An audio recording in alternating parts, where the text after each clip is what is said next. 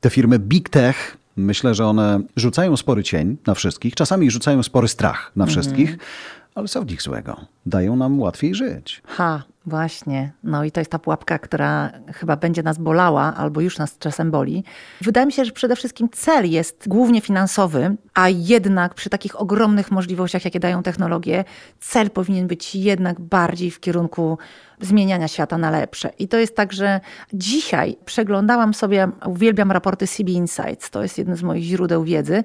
Szef CB Insight dokładnie ci adresował ten temat, że najlepszym marketingowym zagraniem wszystkich firm technologicznych oraz startupów jest mission driven purpose. Nie? I to jest tak, że jeśli wrzucą to do komunikacji marketingowej, bez względu na to, czy to jest prawda, czy nie, będą zdobywać więcej funduszy od inwestorów. I to No, jest niefajne. Ale znów, zobacz, jeśli będą zdobywać więcej funduszy od inwestorów, znów mówimy o kasie. Tak, A z dokładnie. drugiej strony mówimy o jakiejś odpowiedzialności i o Dokładnie. jakichś wzorcach. Ale jeszcze z innej strony, na początku, kiedy oni tak naprawdę startowali, no to wiadomo, że to miał być biznes. Wychodzi na to, że wszyscy są zaskoczeni skalą wpływu tego biznesu na świat i dlatego dzisiaj mówią, ej, biznes odłóżcie, skupcie się na wartościach. O tym mówi Scott Galloway, że jednak my na co dzień korzystamy z dobrodziejstw, korzystamy z tych ułatwień, o których ty mówisz, ale jednocześnie nie widzimy, jak jesteśmy inwigilowani z tyłu, gdzie podczas pandemii ten poziom inwigilacji nas przez firmy technologiczne wzrósł w sposób gigantyczny, a jednak nie jest sensownie obwarowany prawnie. I teraz my to wiemy teoretycznie, ale nie do końca zdajemy sobie sprawę, jak źle może to zostać wykorzystane. My jeszcze nie nakładamy, taka przeciętna osoba nie nakłada tej całej warstwy cybersecurity na to, że to może być zhakowane. Tak? W ostatnim Jamesie Bondzie te wątki się przejawiają w serialach, filmach, ale w ostatnim Jamesie Bondzie mamy wirusa stworzonego po to, żeby zabił tylko jedną osobę, bo jest stworzony pod jej DNA. To nie jest coś, co jest mrzonką, to nie jest coś, co jest czystą fikcją. To jest dokładnie dzisiaj możliwe. Obwarowań prawnych do tego nie ma. Tak jak popatrzymy sobie na te big techy, tak zupełnie, nawet bez żadnej wstępnej refleksji i popatrzymy, gdzie one mają swoje inwestycje. Są ewidentnie organizacje, dobrze to powiedziałeś, tak wielkiego formatu, większe niż kraje, większe niż Unie i z dużo zasobniejszym portfelem, w wielu miejscach nie płacące podatków. I teraz, jeżeli spojrzymy sobie z tej perspektywy, ich etyczność no, staje się dla nas kluczowa, bo one nami zarządzają. Mm, choć to zdziwienie ludzi, że tak jest, też mnie dziwi z kolei, no bo jeżeli wiemy, że to jest biznes i wiemy, że musimy użyć tego narzędzia, jasne, że ono może być w teorii bezpłatne, bo wejdę sobie na stronę www jakąś i coś sprawdzę, ale później w inny sposób oni sobie na tym zarobią, ale mamy wyjście, nie dotykać, mamy wyjście, nie korzystać w jakimś sensie. Ja wiem, że oni tak ułożyli nas sobą dookoła, że jesteśmy trochę w technologicznej pułapce, ale cały czas wydaje mi się, że to będzie bardzo trudne i bardzo kosztowne i bardzo długie, żeby dobrze działającym biznesom, wycenianym niesamowicie, powiedzieć: słuchajcie, odłóżcie pieniądze na bok, pamiętajcie, że ludzie są na końcu. No, a na szczęście z drugiej strony zdarzają się osoby, które ich punktują w skali globalnej, tak jak Scott Galloway, ale tak jak Frances Hogan, która, no, ja uważam, że Facebook zmienił nazwę na Meta nie dlatego, że metaversum zaczęło się szykować. To była doskonała zbieżność i świetna robota PR-owców. Ale tak naprawdę rzeczywistość zaczęła bardzo Facebooka uwierać, ponieważ Frances Hogan wyniosła bardzo dużo dokumentów, które pokazywały, że tam poczucie potrzeby robienia kolejnych pieniędzy, robiąc już bardzo duże pieniądze, stało się szkodliwe dla ludzkości, stało się szkodliwe dla każdej pojedynczej osoby. I tu wydaje mi się, że jest taka ciekawostka. Zresztą Czy byłam- wymknęły Mhm nam się spod kontroli? ewidentnie wiele lat temu. Ja pamiętam, że jakieś 3-4 lata temu już miałam takie dyskusje ze znajomymi z całego świata, takimi bardzo mocno technologicznymi. Czy my jesteśmy w stanie jeszcze właśnie działając, chociażby Unia Europejska akurat ma chyba najwięcej regulacji w obszarze wielkich firm technologicznych, czy jest w stanie w jakikolwiek sposób zagrozić, zatrzymać, pogrozić palcem. Nawet nie chodzi o to, że zagrozić, ale pogrozić palcem, że my tutaj działamy. Dobre pytanie. Ja mam takie dwie historie. Jedna, co roku jeżdżę do San Francisco i do Doliny Krzemowej, do Singularity University. Mamy tam konferencję, na której jest bardzo duży wątek zmieniania świata na lepsze. Peter Diamandis, nasz globalny szef Singularity, jest takim człowiekiem, który mocno stawia na ścieżkę filantropijną, ale miałam któregoś roku takie zawahanie, że rozmawialiśmy sobie przez fajne 8 godzin o startupach, które mają za zadanie zmienić świat na lepsze, a potem wyszłam z tej sali na Union Square Square i każda osoba, która tam wychodzi, pierwszym krokiem nadeptuje na rękę bezdomnej osoby, która tam leży, a następnie na następną, na następną. Nie wiem, czy byłeś, miałeś tą refleksję, nikt nie daje im pieniędzy, nikt ich nie wspiera. Tam nie ma w ogóle takiego, myślę, też sposobu myślenia, że w ogóle zwracasz uwagę, oni są jakby przezroczyści i teraz to, gdzie my zmieniamy ten świat na lepsze. A drugie jest taki dowcip, który się często na technologicznych konferencjach przewija. Obrazek, w którym idą dwie panie w Afryce, mają na głowie dzwany z wodą i stoi dwóch takich właśnie amerykańskich startupowców i mówi, mamy taką świetną aplikację, będziemy wam pokazywać, gdzie są najbliższe źródła wody i jest taka strzałka z napisem najbliższa woda 35 kilometrów. Coś w tym jest, ale y, wracając do fundamentu tych firm, czyli to ma być dobry biznes i wracając dzisiaj do sytuacji, w której ten biznes jest, kiedy cały świat, dosłownie rządy nawet, czy Unie, w tym przypadku choćby Unia Europejska mówią, słuchajcie, o nie tą drogą. To już nie będzie takie łatwe, jak było na samym początku. Na ile ten biznes będzie się umiał ugiąć, na ile będzie umiał się zmienić i na ile będzie czuł, że ma potężny wpływ na świat. I o tym właśnie w tym odcinku chcielibyśmy porozmawiać. Tak. Damy głos i Scottowi Gallowayowi i Maćkowi Kaweckiemu, który będzie ciekawym gościem, dlatego że Maciek stara się Polakom opowiadać hmm. o wynalazkach, o ciekawych odkryciach młodych ludzi, którzy rzeczywiście mają ten taki cudowny pęd do zmieniania świata na lepsze. Mają chęć robić rzeczy, są empatyczni, droga jest im planeta, nasze relacje, więc to będzie ciekawy wątek w dyskusji. A kolejną osobą jest, y, jakby nie było, rządząca Microsoftem w Polsce, Dominika Bettman, czyli reprezentantka jednego z big techów. Jak ona do tego podchodzi, na co zwraca uwagę, ile jest technologii dzisiaj w firmach technologicznych, a ile jest tam serca. Maciek, ja podziwiam Twój entuzjazm, który obserwuję często, zwłaszcza na LinkedInie, gdzie piszesz o tych polskich młodych innowatorach. To czasami nie dowierzam, że jest i w naszym kraju aż tak dużo, ale rzeczywiście często to są super fascynujące historie. Powiedz, ja często z drugiej strony oglądam i słucham profesora Scotta Gallowaya, który z kolei prognozuje, że wszystkie wielkie firmy technologiczne i tak zdominują wszystko, i tak każdego na koniec y, kupią, i tak będą działać bardziej dla swojego zysku niż na naszą korzyść. I powiedz, czy wierzysz w to, że ci młodzi innowatorzy są w stanie w jakikolwiek sposób zagrozić technologicznie, powalczyć trochę z tymi big techami? Jak to widzisz? Nie, nie wierzę w to, że uda im się powalczyć z big techami, ale myślę, że mają ogromny wpływ na zmianę paradygmatów, na zmianę sposobu myślenia, co wymusi zmianę po stronie gigantów technologicznych. Ja wczoraj miałem okazję prowadzić debatę z nauczycielem z Jarosławia, Arturem Tutką i grupą młodych uczniów, których wypromował, wyróżniał, ale nie tylko, też z innych miejsc w Polsce. I najważniejsza część tej debaty odbyła się wieczorem, kiedy ja z nimi poszedłem na, no nie na piwo, no poszedłem z nimi na kolację. I rozmawialiśmy na temat tego, o czym dzisiaj rozmawia się w szkole. Jak oni mi powiedzieli, że oni rozmawiają w szkole dzisiaj, oprócz TikToka oczywiście, TikTokerów i YouTuberów, o transformacji klimatycznej i wytykają sobie palcami, który YouTuber nie jest eko i zrobił wpadkę i rozmawiają na temat tolerancji i zrównoważonego rozwoju i ten temat ich naprawdę przejmuje i oni są w tym temacie wychowani, to mam poczucie, że to jest siła tego pokolenia, czyli zmiana sposobu myślenia. I te wszystkie wpadki Facebooka i jak sobie nałożymy na to najważniejsze zmiany w regulaminie Facebooka, pokazują, że on dokonywał zmian w momencie, w którym zmieniały się w jakikolwiek sposób działania konsumenckie, bo tylko my jesteśmy w stanie w jakiś sposób na nie wpłynąć. Więc nie wierzę, że startup XYZ wpłynie na giganta technologicznego, ale wierzę, że postawy tego pokolenia Z będą rzeczywiście, które dzisiaj coraz częściej tworzy startupy, będą rzeczywiście w stanie wpłynąć na funkcjonowanie takich gigantów. W jednym z odcinków mówiliśmy sobie o tym, jak powinna wyglądać edukacja przyszłości, na co zwrócić uwagę, żeby być przygotowanym na zmiany. W kontekście technologii, pani Dominiko, jak, jak to widzisz? No właśnie, z jednej strony w pełni podzielam zdanie Maćka, że Ciężko sobie wyobrazić, że młode pokolenie ze swoją wiedzą i entuzjazmem, a także ze swoim podejściem do życia zagrozi gigantom technologicznym. Z drugiej strony, Mówimy o tym, że edukacja nie do końca jest dostosowana do czasów, a jednak ci młodzi ludzie reprezentują totalną zmianę.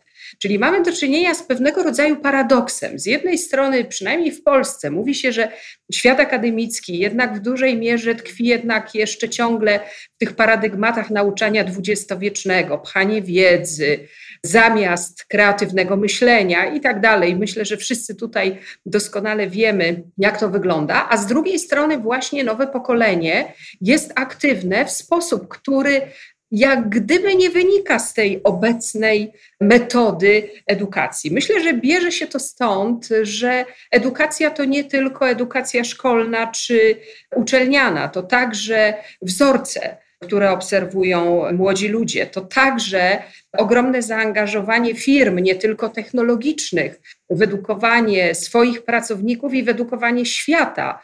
Moja firma chociażby dąży do tego, żeby z jednej strony podnosić poziom wiedzy najwyższej klasy ekspertów, z drugiej strony zaś przyjęła sobie za ideę fix edukację w zakresie umiejętności cyfrowych całego społeczeństwa, twierdząc, że tylko jeśli całe społeczeństwo ma wysoką świadomość cyfrową, to mamy szansę na to, żeby to wszystko, co niosą ze sobą technologie cyfrowe, było użyteczne dla wszystkich. Mogę dopytać tak. o jedną rzecz y, w kontekście słowa wzorce. Czy masz poczucie, że ty jako szefowa tak dużej organizacji, choć nie chcę umniejszać oczywiście roli, ale powiedzmy na tym naszym polskim terytorium, wiedząc, że to jest globalna firma, masz takie poczucie, że w sumie wy wszyscy CEO-si Microsoftu z całego świata dajecie dobre wzorce ludziom? I teraz pytanie, czy ci ludzie to są klienci przede wszystkim, czy klienci waszych klientów? Ja myślę, Jarku, że to zależy od człowieka, bo wzorcem nie jest się z racji funkcji, którą się pełni, choćby ona była najznakomitsza. Wzorcem jest się z racji autentyczności i odwagi do niesienia swoich wartości.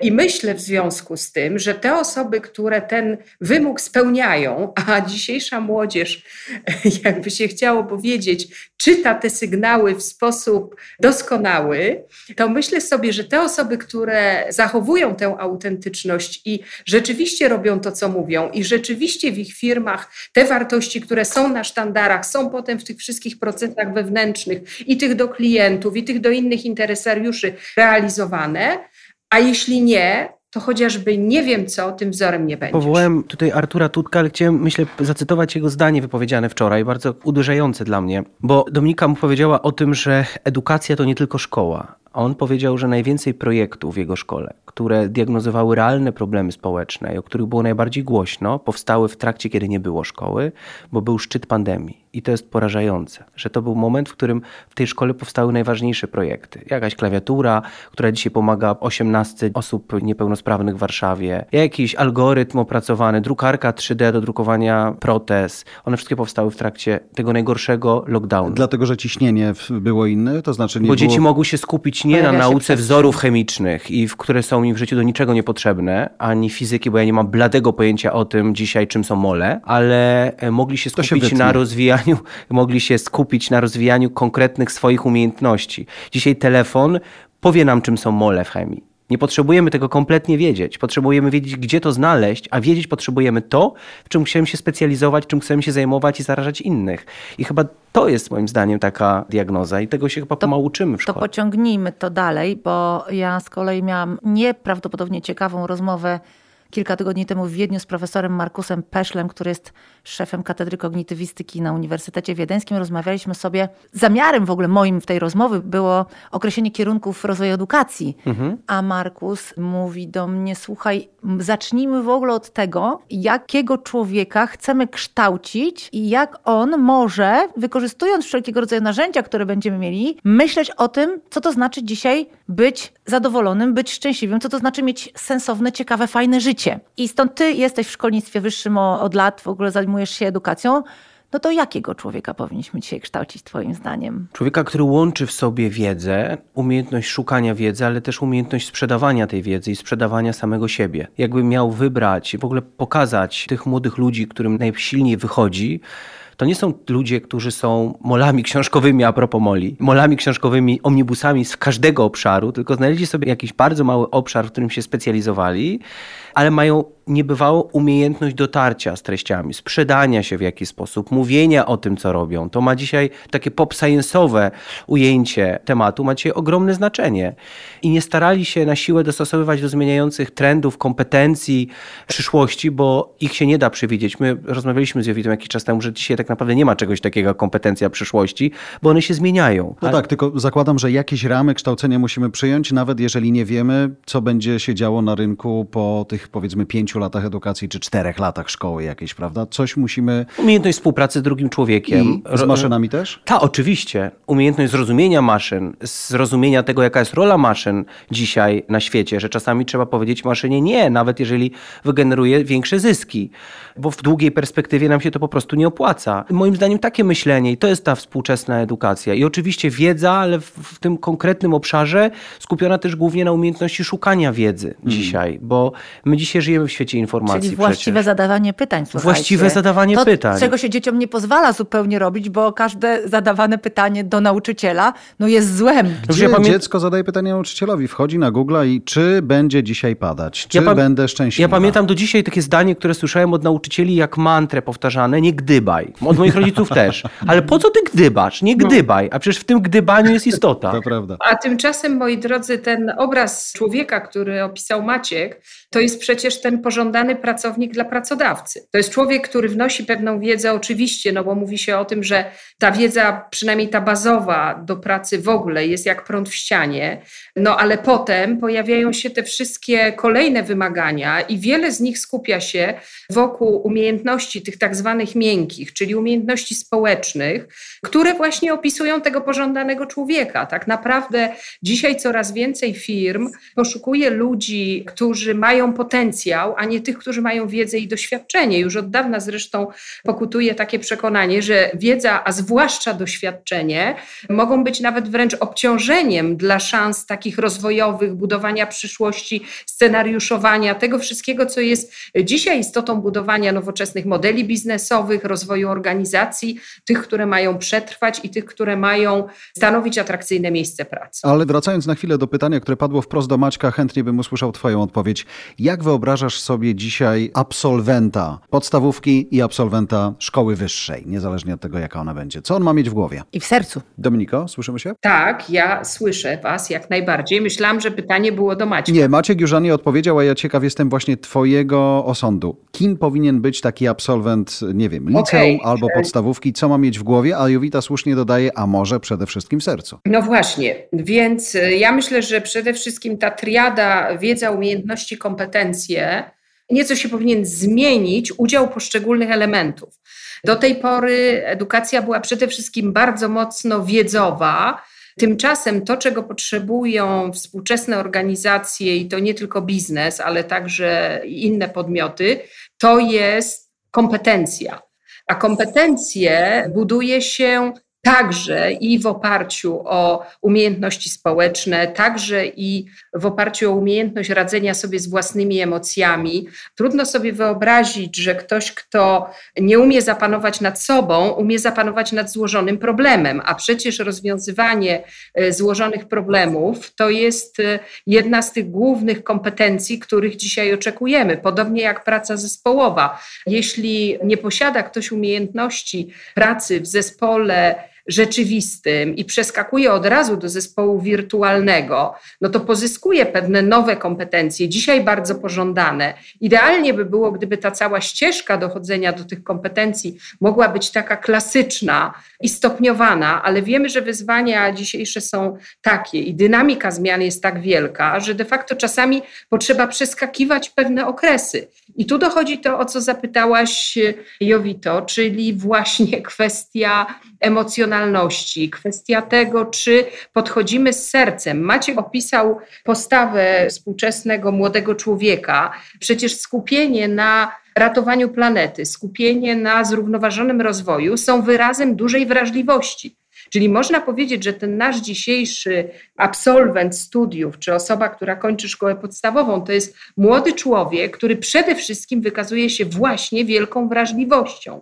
I teraz tę wrażliwość trzeba zagospodarować w odpowiedni sposób, a nie stłumić. A jak wiemy, dotychczasowe metody edukacji były na tego typu aspekty życia w ogóle mało wrażliwe i mało podatne. Nie gdybaj. Co ty tak Dokładnie. gdybasz? Fragment wywiadu ze Scottem Gallowayem. Wolałbym dać mojemu 14-letniemu synowi butelkę Jacka Danielsa i marihuanę, niż pozwolić mu założyć konto na Instagramie i Snapchacie. Aż się prosi, żeby dopytać o jeszcze jedną rzecz, ale najpierw przerzucę to pytanie na Maćka. Da się to serce jowitowe zabrać do metaversum? No jak czytam o tym w artykuł sprzed paru dni, że doszło do pierwszego gwałtu w metaversum, a to jest jakaś forma naruszenia naszych sfer intymnych i uczuć naszych, to bym chyba odpowiedział, że tak, no to mam przykład negatywny oczywiście, ale powiedziałbym, że tak, no to metaversum, czyli ten świat lustrzanych odbić, ma z założenia digitalizować to, czego jeszcze nam się nie udało zdigitalizować, czyli zmysły i emocje. Więc moja odpowiedź musi być chyba tak. Ale to nie znaczy wcale, że to jest dobre oczywiście. Tak. Ja z kolei, jeśli jesteśmy przy metaversum, to wspomnę sieć, trzecią generację sieci, decentralizację. Czy myślicie, to do obojga Was pytanie, czy myślicie, że jest szansa na to, że ci empatyczni młodzi ludzie, wyedukowani w sposób taki, żeby zaczęli myśleć o tym, jak ludzkości przynieść szczęście, radość, będą w stanie stanąć w kontrze do zyskowności, na którą pracuje technologia, jako taka spersonalizowana masa, bym powiedziała. Ja pozwolę sobie szybciutko odpowiedzieć i przekazać pole Dominice. Nie jestem psychologiem ani socjologiem, więc wychodzę poza ten obszar mojej kompetencji, ale powiem o własnych doświadczeniach. Ja mam wrażenie, że to młode pokolenie przede wszystkim myśli o sobie. To znaczy, to jest takie oczywiście egoistyczne w jakimś sposób, ale nie da się robić dobrze innym, jeżeli nie stawiamy w centrum siebie samego. Znaczy, nie, nie chcemy dobrze dla siebie. Nie wiemy, co jest dla nas dobre i nie myślimy o własnych potrzebach najpierw. Więc ja myślę, że to myślenie o, o własnych potrzebach charakterystyczne dla tego pokolenia jest w jakim sposób myślenie o świecie. I tak ja na to patrzę mniej więcej. Zresztą to jest taka podstawa psychologii. Jak się idzie do psychologa, to pierwsze, co zawsze mówi, to mówi, ale ty nie myśl o innych, myśl o sobie, co dla ciebie jest dobre. Jak nie będziesz szczęśliwy sam ze sobą, to nie będziesz szczęśliwy z tym, co robisz i z tobą inni będą szczęśliwi. I wydaje mi się, że to jest ten klucz dla tego pokolenia Z dzisiejszego. Hmm. Wracając do metaversum, uznało się, przyjęło się myśleć, że to jest coś, co wymyślił sobie Mark Zuckerberg i jego była firma Facebook, która zmieniła nazwę na Meta, ale tak naprawdę w ślad za tym, jak on o tym zaczął mówić, to Microsoft powiedział i pokazał e, swoje możliwości. Jak daleko jesteście i jak ten świat będzie wyglądał, szanowna Dominiko? Niewątpliwie tutaj rozwój i to, co dzieje się w firmie na ten temat, z jednej strony jest owiane mgiełką tajemnicy, stąd nie za wiele mogę na ten temat mówić. Natomiast kierunek jest jeden. Dalsze rozwijanie, połączenie sztucznej inteligencji z rozwiązaniami chmurowymi, z uplatformieniem wszystkiego w zasadzie, można powiedzieć, a także i z przenikaniem technologii właściwie absolutnie do wszystkich dziedzin życia, sprawiają, że no, ta perspektywa jest bardzo, taka powiedziałabym, jest wielkim wyzwaniem. I to, czy to nowe pokolenie skonfrontowane z tym światem, będzie w stanie sobie poradzić z tą rzeczywistością, jest dla mnie o tyle wielkim znakiem zapytania, że bardzo często mówi się o tym, że złożoność problemów tego świata WK trzeba jakoś rozłożyć na czynniki pierwsze. Bardzo często mówi się o tym, że trzeba ten świat uprościć. Ale uprościć go w oparciu o co i jaką rolę te nowe technologie i ten metavers w tym uproszczaniu ma odegrać? Czy to ma zmierzać ku temu, żeby było po prostu łatwiej wykonywać pewne czynności, łącznie z czynnościami życiowymi, czy aż po czynności życiowe, czy chodzi o to, żeby było łatwiej i lepiej żyć? I tu ten wątek takiego skupienia na sobie, jeżeli to nie będzie taki totalny egotyzm, tylko właśnie takie myślenie o potrzebach z wrażliwością na innych, ja myślę, że to może być ten kierunek. To może być ten kierunek, który pozwoli nam wyjść z tej niejednoznaczności, z tej zmienności, które co prawda będą się pewnie utrzymywały, tylko będzie lepsza możliwość radzenia sobie. Ja jeszcze tylko chciałem powiedzieć, że w, w, tym najnowszym raporcie Gartnera czytamy, że do 2026 roku 25% ludzkości przynajmniej godzinę dziennie będzie spędzało w metaversum, ale większość z nich w pracy, a nie w rozrywce, to ciekawe. I my też mamy taką tendencję do traktowania metaversum jako mieszanej, rozszerzonej wirtualnej rzeczywistości, czyli że wchodzimy do metaversum tylko jak zakładamy na głowę gogle. Ale tak wcale nie jest, bo metaversum to są wszystkie technologie, które głęboko oddziałują na nasze zmysły i wcale nie musimy zakładać gogli, żeby być w metaversum. A ja jeszcze chciałem powiedzieć, że byłem świadkiem kiedyś dzięki Microsoftowi i mówię to całkowicie bezinteresownie, że to mówię to też na swoich wykładach bardzo często. Jarek ostatnio miał okazję nawet być, prowadzić nawet wydarzenie. Nawet brawo, tak, to ten gość w pierwszym rzędzie. Tak, bił nawet brawo, gdzie byłem świadkiem tego, gdzie wasze gogle uratowały komuś życie. Usunęły, dzięki nim pani profesor Lisowska usunęła kostniaka Zatoki Klinowej dzięki stworzeniu cyfrowego bliźniaka tej zmiany nowotworowej, a po operacji powiedziała, że ona nie przeprowadziłaby tej operacji, gdyby nie wasze gogle i oczywiście polski software, który je w jakiś sposób uzupełnia, ale jednak to pokazuje, jaką moc ma, taką piękną też to metaversum i o tym nie możemy zapominać. Tak, słuchajcie, myślę, że mamy szansę, ponieważ budujemy z taką dosyć już dużą świadomością technologiczną to metaversum nieco od podstaw, bo wiemy, że taka full wersja to jest jednak wciąż 10, 12, kilkanaście lat, a z drugiej strony mamy świadomość, że od początku budujemy pewien świat, mając taką dużą świadomość, że możemy pójść z nim w tym kierunku i w tym kierunku. Dominika, do ciebie pytanie. Czy ty myślisz, że jesteśmy w stanie, napisałaś fajną, ciekawą książkę, jesteś zanurzona w technologii, ale w twojej książce i znam cię od lat, więc wiem, że w tobie też jest bardzo dużo kręgosłupa moralnego, etyczności, właśnie empatyczności.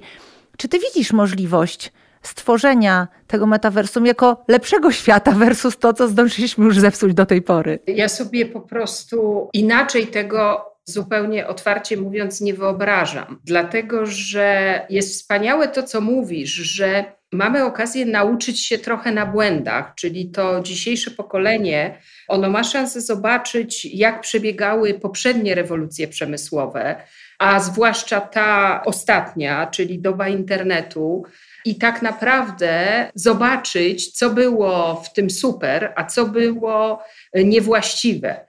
I cały czas mówimy tutaj i krążymy, myślę, w tej dyskusji, mówiąc też o tej wrażliwości na człowieka, krążymy wokół podmiotowości ludzkiej. No bo to, co najbardziej przeraża, to to, że w jakiś sposób tę podmiotowość utracimy. I teraz zobaczcie, do czego doszliśmy. Powiedzieliśmy, że ci ludzie młodzi, oni jednak kształtują się, Maciek też o tym wspominał, bardzo dużą wrażliwością. To znaczy, że wszystkie te wartości związane z empatią, z wpływaniem na innych ludzi, z wywieraniem wpływu, które są tak niezwykle silne w metaversie, że to wszystko będzie mogło być poddane tej analizie właśnie pod tym kątem, czy ja robię komuś dobrze, czy ja szkodzę. A z drugiej strony myślimy sobie, że ta rewolucja technologiczna, którą mamy teraz, po raz pierwszy wchodzi w nas w nasze mózgi. Powoduje, że znakomita część dzieciaków ma stany depresyjne i myśli depresyjne w związku z tym, jak współżyje z social mediami, gdzie nie jesteś atrakcyjną osobą, jeśli nie nałoży sobie filtra. Jest taki ciekawy case w Chinach, gdzie oni właściwie w ogóle nie chcą się już pokazywać bez filtrów, kiedy tam bardzo szybko absorbują się nowe technologie. Kilka lat temu czytałam o takim przypadku, kiedy Alipay wprowadzał metodę rozpoznawania twarzy w płatnościach i było bardzo niskie użytkowanie tej technologii na początku, co było zadziwiające, bo zazwyczaj Chińczycy bardzo szybko wchodzą w tego typu rzeczy. Zrobiono badanie i okazało się, że przez dwie sekundy czy nad sekundę na ekranie, kiedy płacisz, pokazuje się twoja twarz bez filtra i tego Chińczycy nie byli w stanie zaakceptować w związku z czym wprowadzono natychmiast filtry również do tego sekundowego pokazania tych twarzy i natychmiast o 40% w ciągu dosłownie tygodnia czy półtora wzrosło użytkowanie tej technologii. Tak? I e, to, co mówi profesor Scott Galloway jest dla mnie bardzo ciekawe, że my dajemy bardzo duże przyzwolenie dzieciom na bycie na mediach społecznościowych. Jest dużo dowodów na to, że liczba samookaleczeń i samobójstw wśród nastolatków, a zwłaszcza dziewcząt, znacznie wzrosła od 2012 roku, kiedy to Facebook przejął Instagram, a social media stały się dostępne w wersji mobilnej. Myślę, że to ogromny problem. To jest młody człowiek, który się kształtuje, który będzie potem w tym metaversum, czy będzie budował tą naszą przyszłość, a on w dużej mierze jest nieszczęśliwy, bo żeby nie wiem co i tak nie jest wystarczająco dobry. Jak to zaadresujemy? Ale czy to nie jest właśnie lekcja, y, z której trzeba wyciągnąć wnioski? No. Bo według mnie to jest właśnie ten punkt do dyskusji o tym kolejnym kroku. Jeśli już to wiemy, to czy jesteśmy w stanie jako społeczeństwo wyciągnąć z tego wnioski? Jaki jest z tego wniosek? Co to znaczy? Bo chyba nie taki, że mamy się odizolować od tego świata cyfrowego. Nie taki, tylko no wiesz co, nie że... wiem, czy zerknęłaś akurat na moją minę i dlatego zatrzymałaś się w swojej odpowiedzi, ale e, moja mina rzeczywiście e, mówi tak. A może to nie jest praca nad wnioskiem, który nam przychodzi z tego, że oni bez filtra tego nie zrobią, tylko to jest dla nas sygnał, że my nie możemy iść do przodu, ale musimy się cofnąć i popracować nad poczuciem własnej wartości Dokładnie. wszystkich dzieciaków, bez używania technologii wtedy, tak? Bo one wtedy, kiedy zbudujemy im tą bazę psychologiczną, o której wspominał tutaj Maciek, taką emocjonalną, zupełnie oderwaną od technologii, bazującą na człowieczeństwie, to one wtedy będą miały gdzieś, czy jest filtr, czy nie, czy to jest Alipay, czy to jest cokolwiek innego, będą odważne do tego, żeby powiedzieć, ja taki jestem. A metaversum jest dla mnie tylko, nie wiem, narzędziem na Teamsach, bo mogę zrobić coś więcej w prezentacji lub czymkolwiek innym, ale zadbamy o to, co jest podstawą. Nie? Zastanawiam się. Myślę, że tak jest, chociaż jakiś powrót taki tych dzieciaków do zrobienia kroku w tył przez dzieciaki nie wierzę, ponieważ one są wychowane w tym świecie cyfrowym, więc jakby nie wiedzą, co to znaczy w ogóle. Nie? Moim zdaniem nie są świadomi możliwości zrobienia kroku w tył, bo nie znają innej rzeczywistości, więc musieliby wracać do czegoś, o czym nie wiedzą, do czego wracają i to ich może blokować. Natomiast my w Instytucie Lema zrobiliśmy badania w oparciu o 5 tysięcy i to nie jest może duża próba, ale przynajmniej z każdym się spotkaliśmy fizycznie, pięcioma tysiącami uczniów szkół podstawowych i z tego raportu wynika, że jedna trzecia bardziej boi się przemocy, która spotyka ich w przestrzeni cyfrowej, niż przemocy, która spotyka ich w przestrzeni analogowej. 6% z nich mówi, że uzyskuje wsparcie w szkole, a stałe wsparcie w szkole, a 3%, że uzyskuje stałe wsparcie w domu. Co oznacza, że te dzieci są z tą przemocą, te 30%, które się boi przemocy w internecie, są z tą przemocą całkowicie same. No to jeszcze inny kamyczek do tego woreczka. My pracujemy takim projektem Uniwersytet Sukcesu dla młodych kobiet opuszczających albo pieczę zastępczą, w każdym razie z bardzo trudną sytuacją życiową. I my uczymy je technologii, ale czego nauczyło mnie prowadzenie tego projektu trzy lata, to jest projekt długi, bo on trwa dla niektórych z nich rok, że jeśli nie wykonamy podstawowej pracy nad poczuciem własnej wartości, to nie ma szansy, żebyśmy te dziewczyny nauczyli technologii i znaleźli im potem pracę. Więc na koniec Od siebie trzeba zacząć. że, tak, ale na koniec ta nasza jednak fizyczność i to, że jesteśmy nie tylko w metaversum, ale finalnie siedzimy na tym krześle, jest taką podstawą, do której nie ma możliwości, żeby na koniec nie wrócić, nie? żeby zbudować szczęśliwy zestaw awatarów, Zestaw zestaw awatarów. wielu awatarów, to gdzieś ta podstawa, musimy ją zbudować, albo musimy do niej potem wrócić, żeby ją zbudować. Zgadzacie się? Tak, absolutnie. Jednak w tym świecie analogowym trzeba pozostać, bo ja ten krok wstecz Jarka to rozumiałam nie tak, że wycofujemy się ze świata cyfrowego, tylko bardziej, że do wypełnienia pewnych luk, które mamy, na przykład tych związanych z poczuciem bezpieczeństwa, co powiedzieliśmy przed chwilą, czy właśnie z właściwą samooceną i z poczuciem własnej wartości, do tego chcemy powrócić do tego świata analogowego, tak? Do bliskości z drugim człowiekiem, do normalnej rozmowy o codzienności, prawda? I myślę, że to jest ten element, który, no bez którego nie przejdziemy do tego kolejnego etapu. To prawda, jeśli rozmawiamy dzisiaj w tej audycji o przyszłości świata i rozwoju wielkich firm technologicznych, myślę, że tutaj to, co zwróciliśmy na to uwagę przy okazji innej dyskusji, gdzie osoby bardzo techniczne dzisiaj zaczynają dbać o swoją emocjonalność, o swoje miękkie kompetencje. O tym powrocie myślę, że my będziemy korzystali mądrzej i lepiej i bezpieczniej z tego technologicznego świata, który się dzisiaj nazywa tak czy inaczej, ale jak nie zadbamy o siebie w tym analogowym świecie na początku, niezależnie od tego, ile mamy lat, to po prostu tam będziemy albo bardziej ginąć, albo się bardziej zatracać, albo będziemy właśnie odważniejsi, żeby móc korzystać z o wiele większej możliwości, które ten świat nam da w przyszłości po prostu. Znaczy jesteśmy w stanie zmusić Google, Facebook i Alibabę tego świata do tego, żeby też zaczęły współdziałać. Pamiętacie, hasło w ogóle przewodnie Google'a na początku działalności było Don't be evil, które już nie istnieje albo przynajmniej nie jest komunikowane, bo bardzo trudno jest to zaadresować. Zobaczcie, jak przestaliśmy patrzeć na te organizacje jako takich zbawców świata. Patrzyliśmy 10 No lat a temu. to, ty mówisz o tym haśle, a ja wróciłem parę dni temu z San Francisco i całe San Francisco jest w reklamach Apple'a. A jak brzmi jak reklama Apple'a? Bring your privacy back.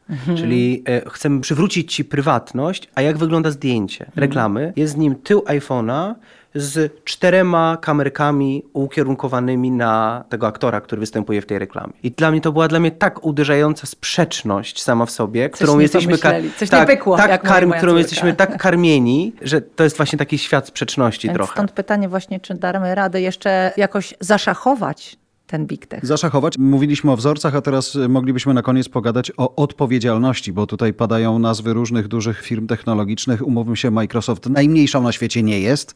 I z No twojej jest też gigantem.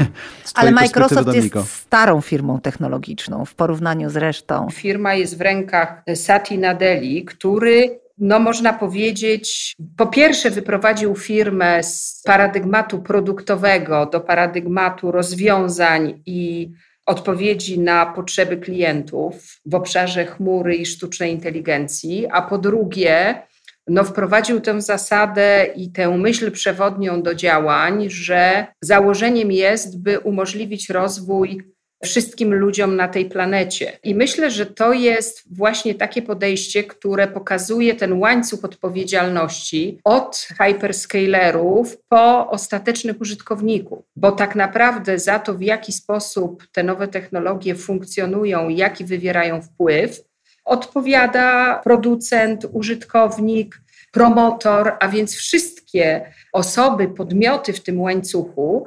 I każda z tych osób ma oczywiście inną odpowiedzialność i inny bagaż do tego, żeby tym odpowiedzialnościom sprostać, ale niewątpliwie ona jest rozproszona i ona no w zasadzie jest bardzo trudna do zdefiniowania, tak można powiedzieć, bo w świecie prostych produktów, licencji nie było z tym większego problemu. Natomiast no w tym świecie, już chociażby dzisiejszym, nie mówiąc o metaversie, no spotykamy się tutaj z ogromną liczbą wyzwań. Ciekawie się kończy, bo tak naprawdę zostawiamy duże trzy kropki, jeśli mówimy o wyzwaniach, więc jestem ciekaw, jak odpowiedzialność, jak te wzorce, jak też nasze zachowanie, nasza umiejętność rozumienia tego świata i nasze przygotowanie edukacyjne do bycia w tym nowym świecie, niezależnie od tego, jak on się będzie nazywał za lat, nie wiem, 2, 3, 5, 10, będzie wyglądało. Więc wierzę, że dogrywka przed nami, szanowni państwo. O, zdecydowanie tak, ale myślę, że po 25 latach istnienia O, gwałtownie pewno. rozwijającej się technologii w naszym świecie zaczynamy być trochę mądrzejsi. Takie optymistyczne zakończenie. Zaczynamy dostrzegać rzeczywiście jakoś Bardzo, nasze potrzeby i człowieka. słuszne i Tak. optymistyczne. Słuszne i optymistyczne. No to nic dodać, nic ująć. Jarek się zamyka. Bardzo wam dziękujemy za spotkanie. i To my rozmowę. dziękujemy.